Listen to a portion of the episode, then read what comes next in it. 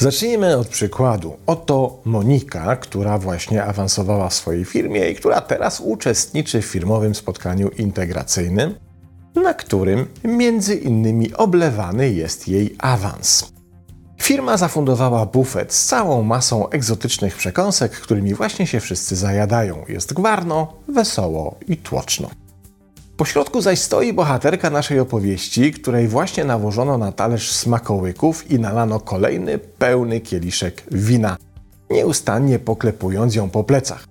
Problem jednak w tym, że Monika wie, że jest w stanie znieść takie okoliczności maksymalnie jeszcze tylko pół godziny, bo po pierwsze nie znosi tłumu i źle się w nim czuje, po drugie ma bardzo delikatny żołądek i wie, że jeśli zje choć jedną z tych przekąsek, to skończy nocą z głową nad muszlą klozetową. Co więcej, nie znosi kwaśnego, rozwodnionego wina, które smakuje jak zrobione z landrynek i po którym trudno jest się nie krzywić. Jednak to nie cały koszmar. Jej awans oznacza pracę na co dzień z dużą grupą ludzi i przebywanie wśród nich w hali otwartych boksów, gdzie wszyscy wszystkich widzą i gdzie się nie da nawet usłyszeć swoich myśli. Ale to awans, co więcej, ci ludzie naprawdę na nią liczą i cieszą się jej sukcesem. Monika więc jedynie co pół godziny znika na chwilę w łazience, żeby choć na chwilę odetchnąć, by nie wydało się, jak tak naprawdę totalnie się tutaj nie nadaje. Przykład numer dwa. Oto obserwujemy Maćka, który lekko usztywniony siedzi przy restauracyjnym stoliku naprzeciwko boskiej Anki i którego przejęcie wynika z wciąż pojawiającej się wątpliwości, czy to aby nie sen, że jego wymarzona smukła i długonoga piękność naprawdę zgodziła się z nim umówić. E, tłumaczy sobie Maciek, pewnie jest tylko głodna, obie się, popije i tyle będziemy ją widzieli. Ale Ania twardo siedzi naprzeciwko i mimo iż wciągnęła zupę, kluski z roladą i tiramisu, dalej siedzi nawet się uśmiecha w jego stronę. Albo ma tasiemca, tłumaczy sobie Maciek, albo naprawdę mam szansę. Tylko trzeba dobrze wypaść i jej nie wystraszyć. Najlepiej nie mówić, że póki co mieszkam z kumplami, dzieląc się kosztami 20-metrowej kawalerki na Ursynowie, żeby było bliżej do Mordoru. Nie powiem też, że nie piję alkoholu, bo jeszcze pomyśli, że jestem cienias. Dobrze by też było coś takiego powiedzieć, co mi przyda męskości. O, powiem, że jeżdżę na motocyklu, wiatr we włosach, Road 66 i że właśnie se robię tatuaż z czachą na podbrzuszu. To się na pewno nie wyda, bo przecież ona tam w życiu nie zajrzy. Czy zestawienie tych dwóch przykładów cokolwiek może łączyć?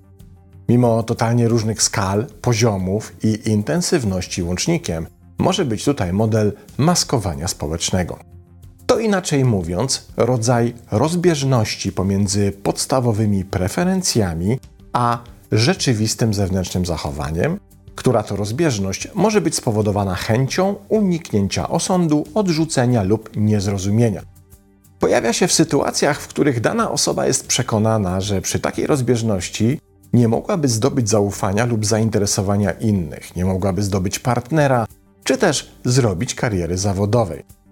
Masking i te jego wersje znajdziemy jako najczęściej przytaczaną w tekstach źródłowych, ma miejsce również w sytuacjach, w których naturalny dla danej osoby sposób bycia i zachowywania się jest sprzeczny z tym, w jaki sposób zachowanie regulowane jest normami społecznymi.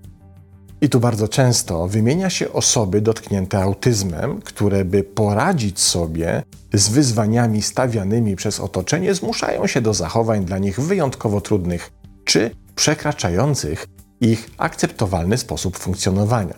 Na przykład zmuszają się do utrzymywania kontaktu wzrokowego wymaganego w trakcie rozmów z przełożonymi w określonych środowiskach pracy.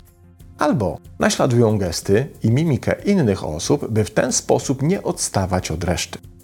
I trudno się dziwić, bo w tych przypadkach maskowanie społeczne, mimo iż zachowują się wbrew sobie, pozwala im funkcjonować na równi ze swoim otoczeniem. Doktor Laura Hetrick z Uniwersytetu Illinois wskazuje, że z perspektywy osoby autystycznej taka strategia nie jest traktowana w kategoriach oszustwa, ale raczej mechanizmu obronnego, który jest reakcją na życiowe doświadczenia bycia zastraszanym za to, kim się w istocie jest. Wówczas, by uniknąć odrzucenia i możliwości przekreślenia przez społeczeństwo uczestnictwa w życiu społecznym czy zawodowym i w pełnej świadomości różnic społecznych, stosuje się strategię zachowań akceptowalnych przez otoczenie. Jednak masking to nie jedynie domena osób autystycznych lub takich, które w środowiskowej samoobronie postanawiają ukrywać jakiś rodzaj psychicznego zaburzenia, z którym się zmagają i którego wykrycie mogłoby przekreślić ich szanse na pełną partycypację w realizacji życiowych zadań. Ten model zachowania pojawia się również wśród osób zdrowych, które decydują się na takie strategie, kierując się społeczną regułą zysków i strat. W pracach dr Hetrick dotyczących maskowania społecznego pojawia się w tym wypadku analogia do cosplayu. Termin ten został najprawdopodobniej użyty po raz pierwszy w roku 1984 przez autora magazynu My Anime, Nobuyuki Takahashiego, w relacji z konwentu Wardon w Los Angeles, by nie stosować słowa maskarada, raczej nie pasującego do opisu osób, które przebierają się w kostiumy mające ich upodobnić do fikcyjnych postaci z gier czy filmów. Cosplay to zbitka słowna pochodząca od słów kostium i odgrywanie roli, i to jest dosyć istotny trop, którym warto się posłużyć przy okazji maskowania społecznego. Kiedy bowiem dana osoba zakłada kostium i wciela się w rolę swojej ulubionej postaci, robi to m.in. po to, by przyciągnąć uwagę i zainteresowanie uczestników konwentu lub też użytkowników sieci. Dodajmy, taką uwagę i zainteresowanie, których bez założenia kostiumu i wejścia w rolę nie byłaby w stanie zdobyć.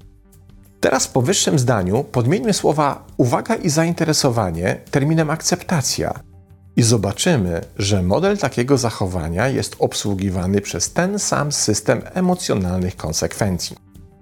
Kostium, a więc maskowanie społeczne, pełni rolę społecznej akceptacji, która bez roli nie byłaby do zdobycia. Konsekwencją takiej strategii musi być więc jakiś rodzaj deprecjacji siebie.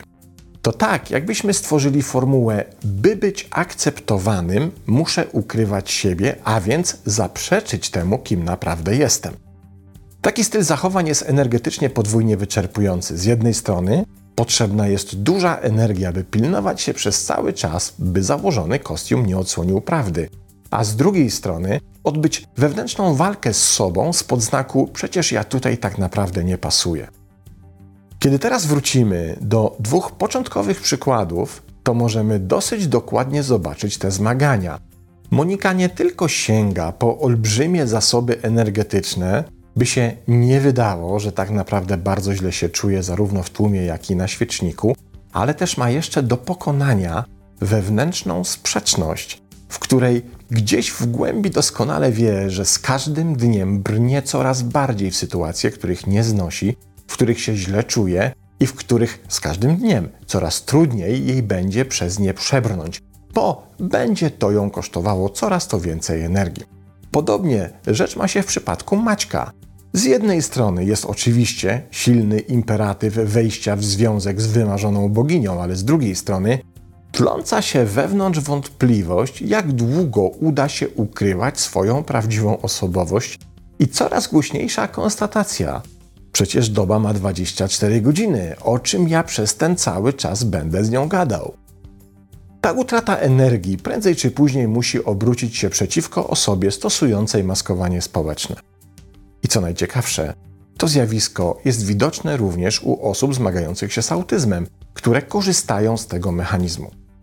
Tam również pojawia się przeciążenie sensoryczne, które w dłuższej perspektywie skutkuje wycofaniem, frustracją, dezorganizacją i coraz większymi skłonnościami depresyjnymi. Co więcej, katastrofalne skutki długotrwałego maskingu zostały potwierdzone również wynikami badań, które zostały przeprowadzone w 2017 roku przez zespół naukowców z Instytutu Psychiatrii, Psychologii i Neuronauki King's College w Londynie.